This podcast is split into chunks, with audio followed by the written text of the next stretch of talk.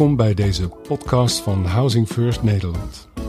In deze aflevering breken wij een lans voor de inzet van ervaringsdeskundigheid in Housing First teams voor jongeren. Melanie Smit van Housing First Nederland legt je daar in deze podcast alles over uit.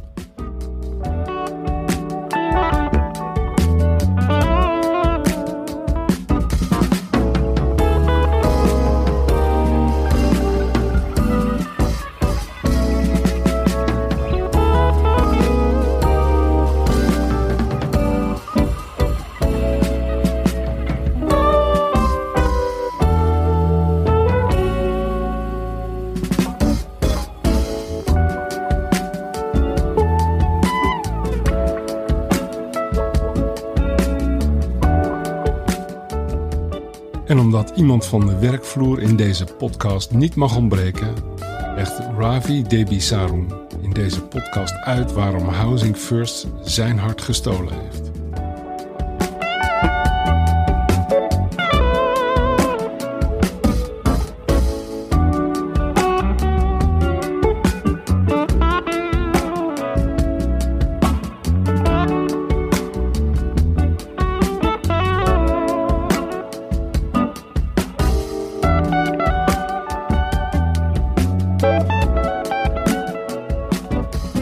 Ik ben Melanie Smit van Housing First Nederland. Ik vertel jullie graag iets over hoe we vanuit Housing First tegen ervaringsdeskundigheid aankijken. Het Pathways Housing First programma vindt zijn oorsprong in een diepgaande toewijding aan ervaringsinzet. Het is ontwikkeld vanuit de directe inbreng van de dakloze mensen die het betrof, op hun wensen en inzichten. En bovendien bestond het Pathways Housing First team van meet af aan voor de helft uit ervaringsdeskundigen. En daar waren verschillende redenen voor. Het zorgprogramma was dus al gebouwd op de waardering voor ervaringskennis, maar ook omdat het bevorderend werkt aan de sterke betrokkenheid en empathische vaardigheden die Housing First vereist. En het verzekerde dat het perspectief van deelnemers werd opgenomen in de verdere ontwikkeling van de Housing First aanpak. Het inzetten van ervaringsdeskundig personeel was ook bedoeld om de grenzen tussen professionals en deelnemers te verkleinen. En tot slot creëerde het een soort brugfunctie. Ervaringsdeskundigen interpreteerden de ervaringen van de deelnemers voor de professionals en legden vervolgens de bedoelingen van de professionals uit aan de deelnemers. Zij vervulden daarmee gelijktijdig een voorbeeldfunctie voor beiden. Housing First gaat in grotere mate over hoop verlenen dan over hulp verlenen. Het gaat ervan uit dat er voor ieder mens het potentieel bestaat om te herstellen en bevordert dat via hoop, empowerment en gedeelde besluitvorming. Ervaringsdeskundige teamleden zijn daarbij essentieel. Zij zijn van grote toegevoegde waarde bij het herstelproces omdat zij als levend bewijs fungeren dat ontwikkeling en herstel mogelijk is. Bij Housing First onderscheiden we ervaringsdeskundige teamleden en de ervaringsdeskundigheid van deelnemers. We boren het potentieel van deelnemers aan door hen in de loop van de tijd verantwoordelijkheden aan te bieden binnen de Housing First praktijk. Bijvoorbeeld het ondersteunen van nieuwe Housing First deelnemers. Of het vertegenwoordigen van Housing First deelnemers in adviesraden, sollicitatiecommissies en bij het maken of beïnvloeden van beleid. Of het inzetten van hun ervaring bij presentaties en trainingen. Ervaringsdeskundige teamleden worden binnen de Housing First praktijken in Nederland soms gepositioneerd als aparte functionarissen, bijvoorbeeld ervaringswerker, dan wel geïntegreerd in bestaande functies binnen het team, bijvoorbeeld als begeleider met ervaringsdeskundigheid.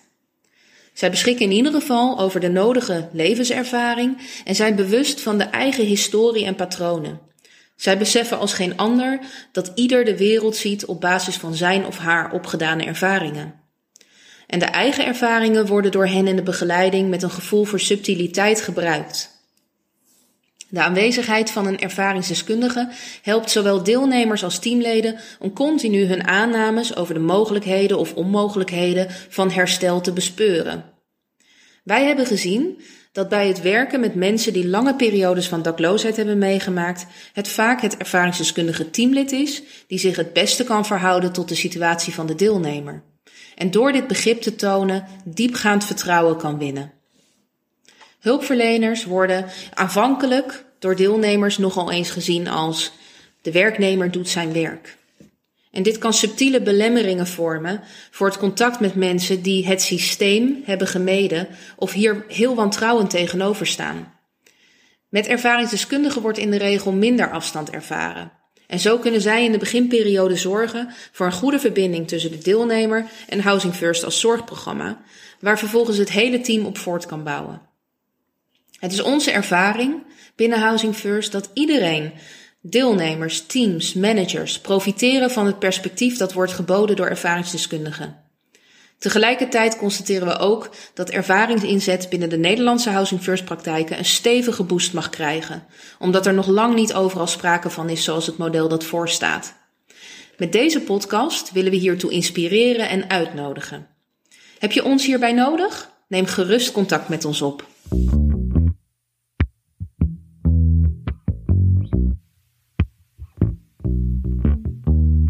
Ja, oké. Eh, ik ben uh, Ravi Dewisaru. Ik ben 32 jaar.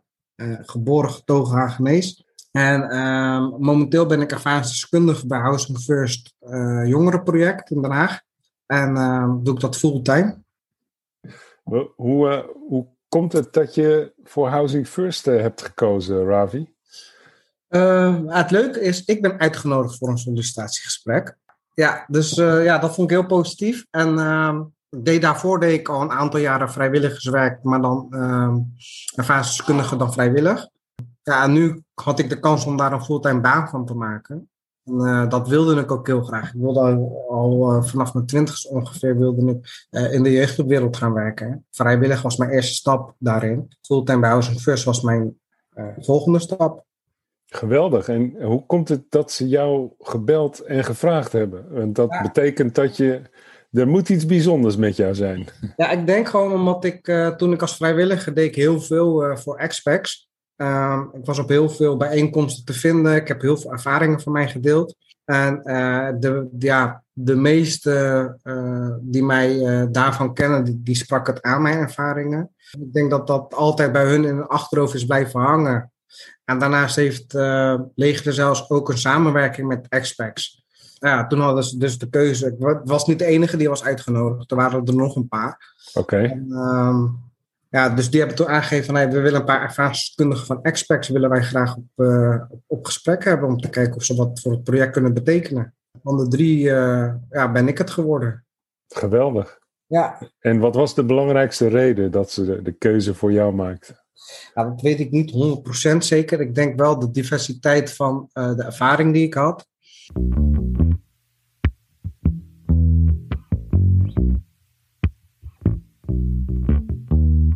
Ik denk dat ik het ook heel mooi vond om te zien van, toch, ik heb jou gekend als klein jongen en ik weet welke kant je op bent gegaan. En waar je nu staat, vond ze het waarschijnlijk heel mooi. Ja, zij kent iets van jouw ervaringen die je hebt gehad. Ja, ja, ja. van mijn verleden inderdaad. Kun je daar iets over zeggen, over wat, er, wat je hebt meegemaakt? Nou, ik was um, zes jaar toen ik uh, uit huis werd geplaatst um, en weg moest bij mijn moeder. Oké. Okay. Um, ja, dat was, op dat moment was er uh, ja, volgens vele instanties een onveilige situatie voor ons. Ja. toen wel met de belofte van, dit is een tijdelijke oplossing. dat wordt hard aan gewerkt om ervoor te zorgen dat jij met je broers en zussen terug kunnen naar je ouders. Mm En um, ja, die tijdelijke oplossing, dat heeft uh, uiteindelijk uh, elf jaar lang geduurd. Wow, wow. En ja. Um, ja, ik ben begonnen in, in een pleeggezin ergens in Soetermeer. Daar heb ik toen een jaar gewoond. Ben ik heel kort teruggegaan naar mijn moeder. En toen kwam ik op een woongroep terecht in Voorburg. En toen later weer op een woongroep. En toen gingen we verhuizen richting Schagen. Uh, dat ligt vlakbij Den Helder. Ja, Noord-Holland, ja. Ja, vlakbij Den Helder en Alkmaar in de buurt. Um, toen verhuisden we daar naartoe, waardoor uh, mijn moeder veel minder zagen, omdat zij gewoon de afstand, uh, de tijd en met een groot gezin, uh, afhankelijk van het OV-verhaal, niet haalbaar was. Ja. Toen zijn we weer verhuisd naar de woongroep, wel weer terug naar Den Haag. En toen weer verhuisd naar een andere woongroep. Dus ik heb denk ik in een korte tijd heb ik heel veel woongroepen meegemaakt. En elk jaar op een andere basisschool, elk jaar in een andere groep, elk jaar in een andere wijk. Dus um, ja, je hebt, ik heb nooit eigenlijk tot aan mijn twaalfde heb ik nooit een vaste, stabiele woonplek gehad. Met een vast, stabiel netwerk. Ja. Mijn netwerk veranderde continu. Ehm, ja, toen op een gegeven moment kwam ik bij, op, op mijn laatste woongroep terecht. Uh, vanaf mijn twaalfde, 11, 12 jaar was ik ongeveer. En dat was de enige woongroep waar ik toen vijf jaar lang heb gewoond. Uh, begin toen aan de middelbare school. Ook de enige school die ik van begin tot eind af heb gemaakt. En uh, een vast stabiel netwerk heb kunnen weten te behouden. Ja. Um, en daar durfde ik mezelf echt te ontwikkelen. Daar durfde ik. Uh, weet dat, daarvoor was het altijd: ik moet aan de eisen van jeugdzorg voldoen. Ja. Um, ik, ik had wel het idee van: ja, ik doe maar wat jullie van mij verwachten. in de hoop dat ik toch nog terug mocht naar mijn moeder. Hm. Daar werd het duidelijk dat dat niet het geval is. En dat ze gewoon liever wilden dat ik was wie ik echt ben. Ja. En um, ja, dat is dus eigenlijk de ervaring die ik heb in de jeugdhulpwereld. Um, toen was ik 17. Ik zou eigenlijk toen weer verhuizen naar een kamertrainingscentrum. Nou, dat ging laatste moment niet door. Uh, maar op de groep waar ik woonde, waar ik me zo veilig voelde, uh, daar werd ik al uitgeschreven. Dus dan kwam ik weer in die molen terecht van, ja, dit is een tijdelijke oplossing, mag je hier wonen, totdat daar een plekje vrij is. En toen heb ik ervoor gepast. Ik heb toen gezegd, nou, ik ga dat niet nog een keer meemaken.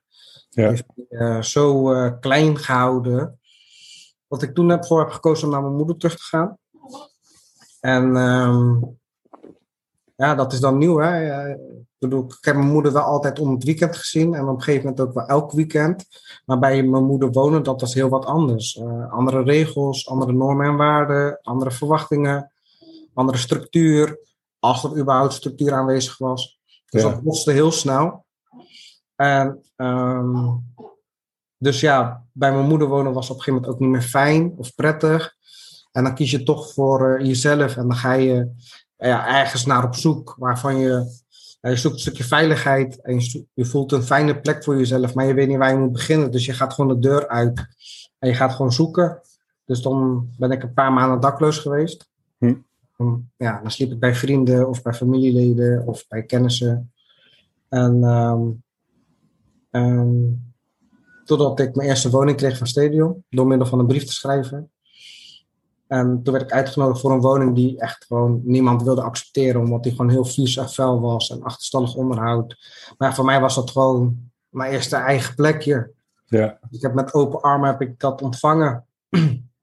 maar nooit geweten hoe ik met geld om moest gaan, want dat is mij ook niet geleerd. Dus financiën, dat werd, werd heel belangrijk, maar ik wist niet hoe ik daarmee om moest gaan. En ik kreeg wel ik verdiende wel salaris omdat ik wel werkte. Maar dat was net zo snel weer op. Dus ja, wat ga je doen? Je gaat dan op gekke manier aan je geld zien te komen. Om toch nog uh, uh, ja, rond te kunnen blijven komen. Om niet achteruit te gaan. Ja. Zo, ja, zo belandde ik ook toen in de criminaliteit. Je leert ja, leuke mensen kennen, maar die mensen zijn eigenlijk niet goed voor je netwerk. En uh, ja, het wordt dan van kwaad tot erger dat ik op een gegeven moment bij mezelf dacht van, kijk, kijk, dit is niet wat ik wil. Kijk, kleine jongetjes dingen vond ik geen probleem, maar nu merk ik echt dat ik grote mannen dingen aan het doen ben. Ja. En uh, dat ging ook ten koste van anderen, veel pijn en leed bij anderen. En ja, dat vond ik zelf niet prettig. Ja. Dus dat was toen voor mij ook een reden om te stoppen. En uh, uh, de man die mij had geholpen met een woning bij Stadion, had ik toen contact opgenomen van hey, ik zit in de shit. En uh, ja, jij hebt me altijd toen een keer gezegd van uh, als er wat is, kan ik bij jou terecht. Want hij is zelf ook geen lieve jongen.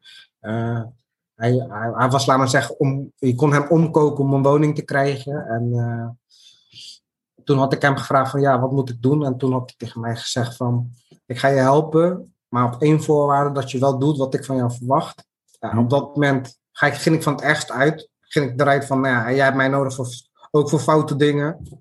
Maar ik wilde niet in de shit komen, dus geaccepteerd. Ja. En toen had hij een woningruil geregeld uh, met een andere woningbouwvereniging. En dan kon ik, laat me zeggen, schoon opnieuw beginnen. Met de voorwaarde dat ik dan de schuldsneringen moest. Hm. En uh, ja, die zag ik niet aankomen, dat wilde ik echt niet. Want dat is gewoon echt accepteren dat je in de shit zit. ja. Maar dat, dat kon niet anders. Dus uh, ja, vanaf daar dan ga je nadenken van je werd zo hard op de bodem terechtgekomen terwijl je echt met dik geld op straat liep. En uh, ja, wat wil je dan? Uh, waar is het verkeerd gegaan? En toen kwam ik tot de conclusie dat ik eigenlijk in de jeugdhulpwereld wil gaan werken. Om, wat ik denk dat daar de basis ligt. En als heb ik één jongen kunnen behoeden voor de fouten die ik heb gemaakt, dan heb ik mijn taak al verricht. Zo voelde dat op dat moment. Ja. Alleen ehm, de mogelijkheden waren er niet, ontwetendheid. Ehm, ik had zoiets van, ik was inmiddels ook vader geworden. En ik had zoiets van, ja, ik heb toch een gezin die ik moet onderhouden. Ik kan niet stoppen met werken, maar ja, als ik naar school toe moet, moet ik wel stoppen met werken. Studiefinanciering, ik wist niet eens dat het bestond. Dat, dat kwam ik pas veel later achter, maar toen was het al te laat. En, uh, dus ik ben altijd maar blijven schilderen. Uiteindelijk ook mijn eigen schildersbedrijf opgezet, zodat ik vrijwilligerswerk kon blijven doen op mijn eigen tempo. Op de dagen wanneer ik zelf wilde.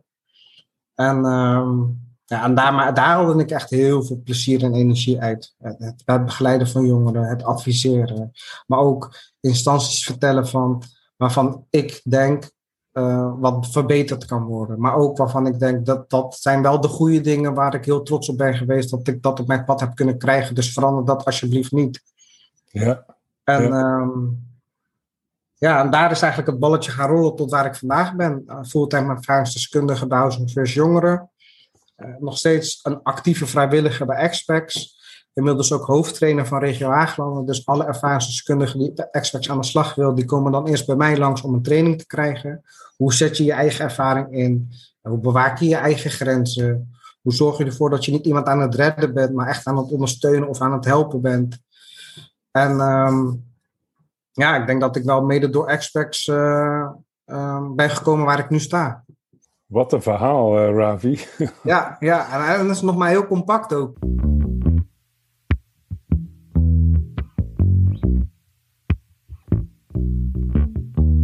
Wat is er met je moeder gebeurd? Wat, waarom was het zo moeilijk om met haar te zijn? Uh, mijn moeder die woonde samen met mijn stiefvader, um, de vader van mijn zusjes. En um, hij was degene die ervoor zorgde dat er een onveilige situatie was. Uh, zo voelde het voor ons niet. Kijk, hij heeft ons nooit aangeraakt op een vervelende of een verkeerde manier. Nooit geslagen of weet ik veel wat je kan bedenken.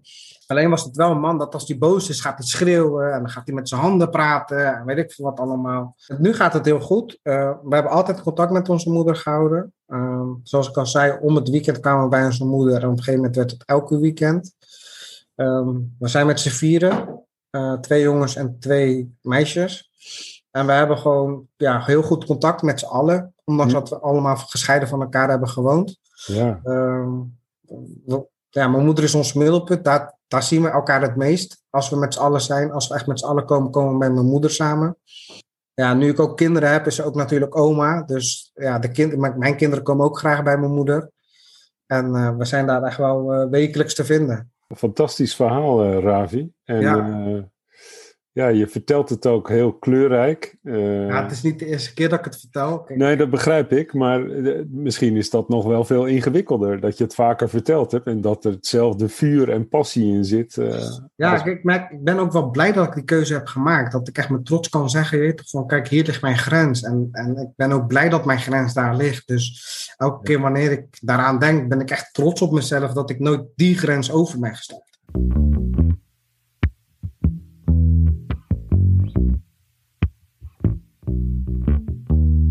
Wat, wat maakt jou dan zo geschikt, Ravi? Noem mij eens drie van jouw uitmuntende kwaliteiten die, die je hard nodig hebt om Housing First te doen.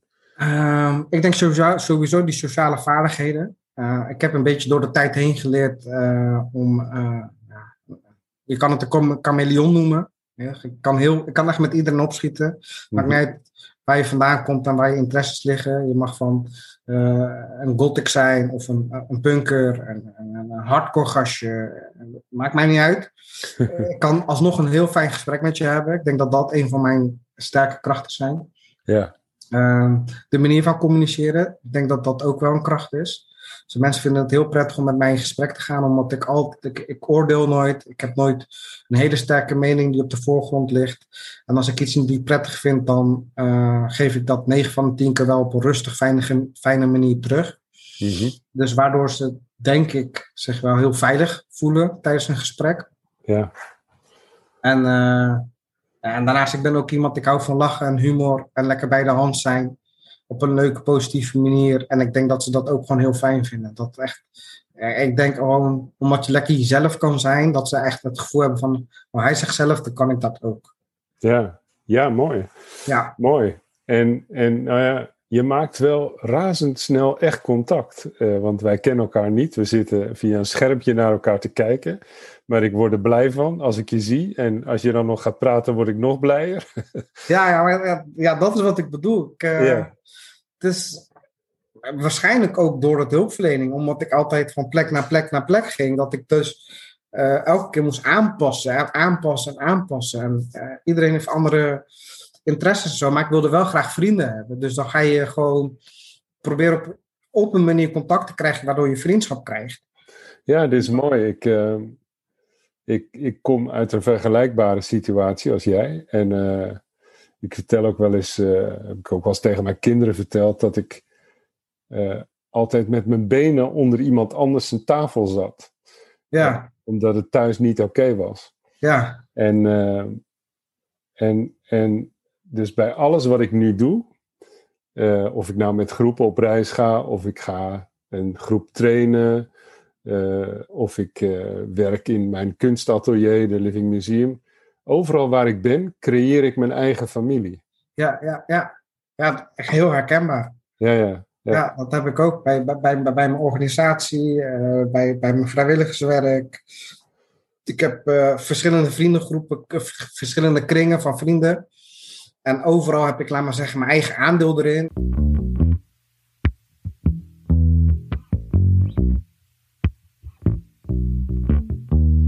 Hey, nou, hartstikke fijn. Wat zou je mensen die nadenken over een, een carrière in, uh, in de hulpverlening, jonge mensen, wat, wat ja. zou je ze voor advies kunnen geven? Wat voor tips? Uh...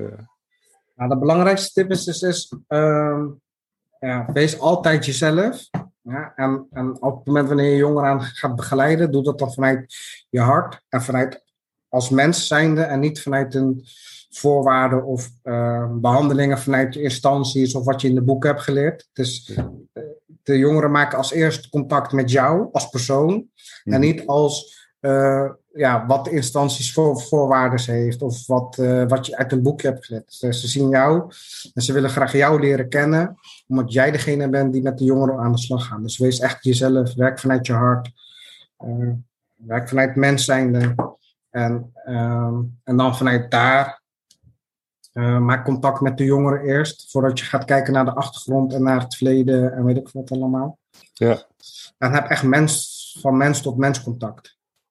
Dankjewel, Ravi. Ik heb je twee minuten langer aan de haak gehouden als ik beloofd had. Dus, ja, geen probleem. Ik vond het heel fijn om het te doen. Ja. Dat ook niet erg vind om het nog een keer te doen.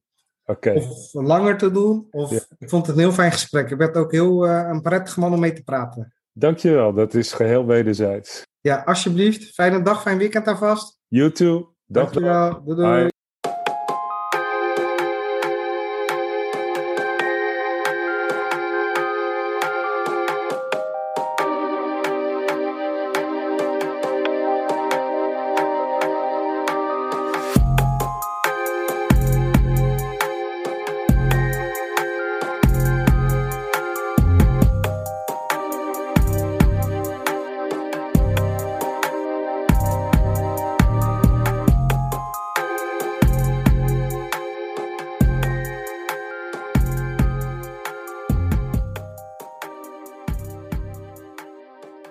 Ik ben geen onderzoeker en ik ben geen wetenschapper. Ik ben een simpele verpleegkundige. Een hulpverlener met ruim 40 jaar ervaring in de GGZ. Als de dag van gisteren herinner ik mij de persoon Hugo Jacobson. Ik kwam hem op de eerste dag van mijn stage in psychiatrisch ziekenhuis Endegeest tegen in de binnenstad van Leiden. Hij fulmineerde tegen een heilsoldaat over de praktijken van de GGZ in de wereld. Mijn mond viel open van verbazing toen ik hem bij de start van mijn eerste avonddienst op die afdeling, Heren E, op de drempel van de dagzaal zag staan. Weet je het zeker? vroeg hij mij. Wat weet ik zeker? vroeg ik hem. Weet je het zeker dat je hier wilt werken? Ze onderdrukken hier mensen. Er zijn hier mensonterende toestanden gaande. En ieder loodst tenslotte zijn schip als een wrak zonder masten de haven binnen en we gaan dansend de dood tegemoet, zei Hugo. Later leerde hij mij dat dit een uitspraak van Schopenhauer was. Hugo was een filosofiestudent uit deze universiteitsstad die af en aan werd opgenomen in dit psychiatrische ziekenhuis. Hij stelde deze vraag vanaf die dag elke dag dat ik er een dienst draaide en even zo vaak vroeg ik mij inderdaad af of ik daar goed aan deed. Want er waren mensonterende toestanden gaande. Hugo stal mijn hart en ik had gereden twijfels bij alles wat ik daar op de opleiding leerde. Hij liet mij met een andere bril kijken naar de behandelingen die mensen daar kregen. Evengoed, ik had een vurige wens om dat diploma te behalen en dus heb ik mij door die opleiding heen geworsteld. Het mag geen twijfel wekken dat ik vanaf die dag dan ook gezocht heb naar alternatieven. Ik ontwikkelde een wil en een talent om alles anders te doen dan wat ons voorgeschreven werd op die opleiding. In het jaar 2002 toog ik voor een studiereis naar Amerika en ik maakte kennis met mensen uit de peer movement in dat land. Mensen die net als Hugo in de overtuiging leven dat alles anders en humaner kan.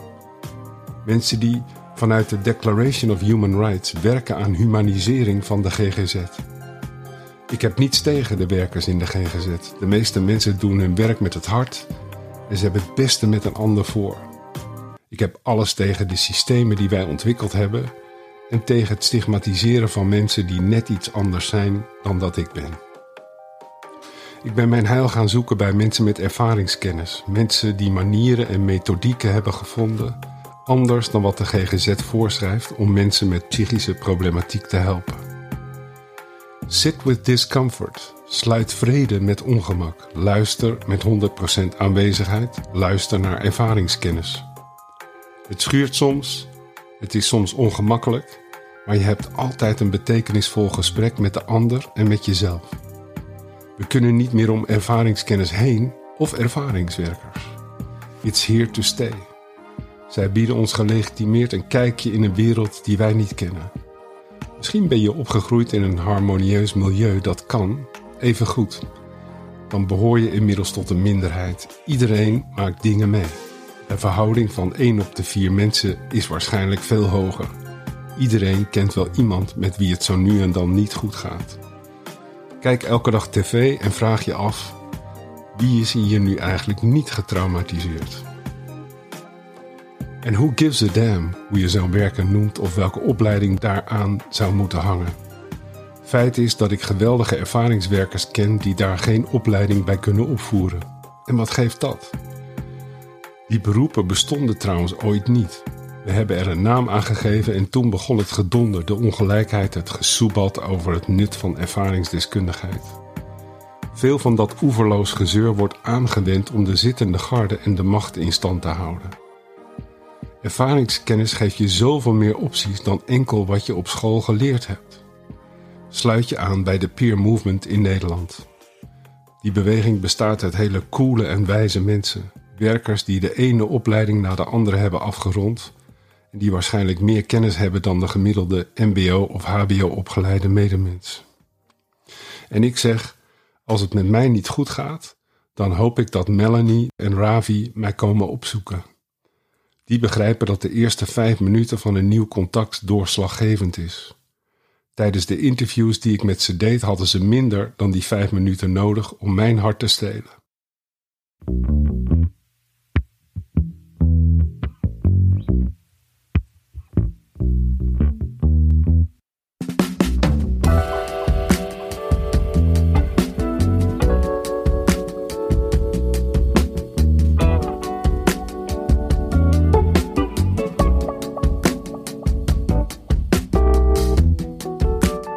Deze podcast werd gemaakt door Rokus Lopik.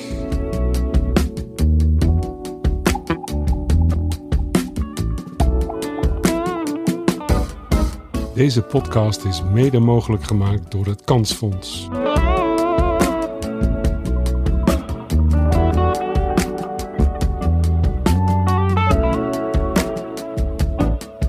Je luisterde naar een podcast van Housing First Nederland.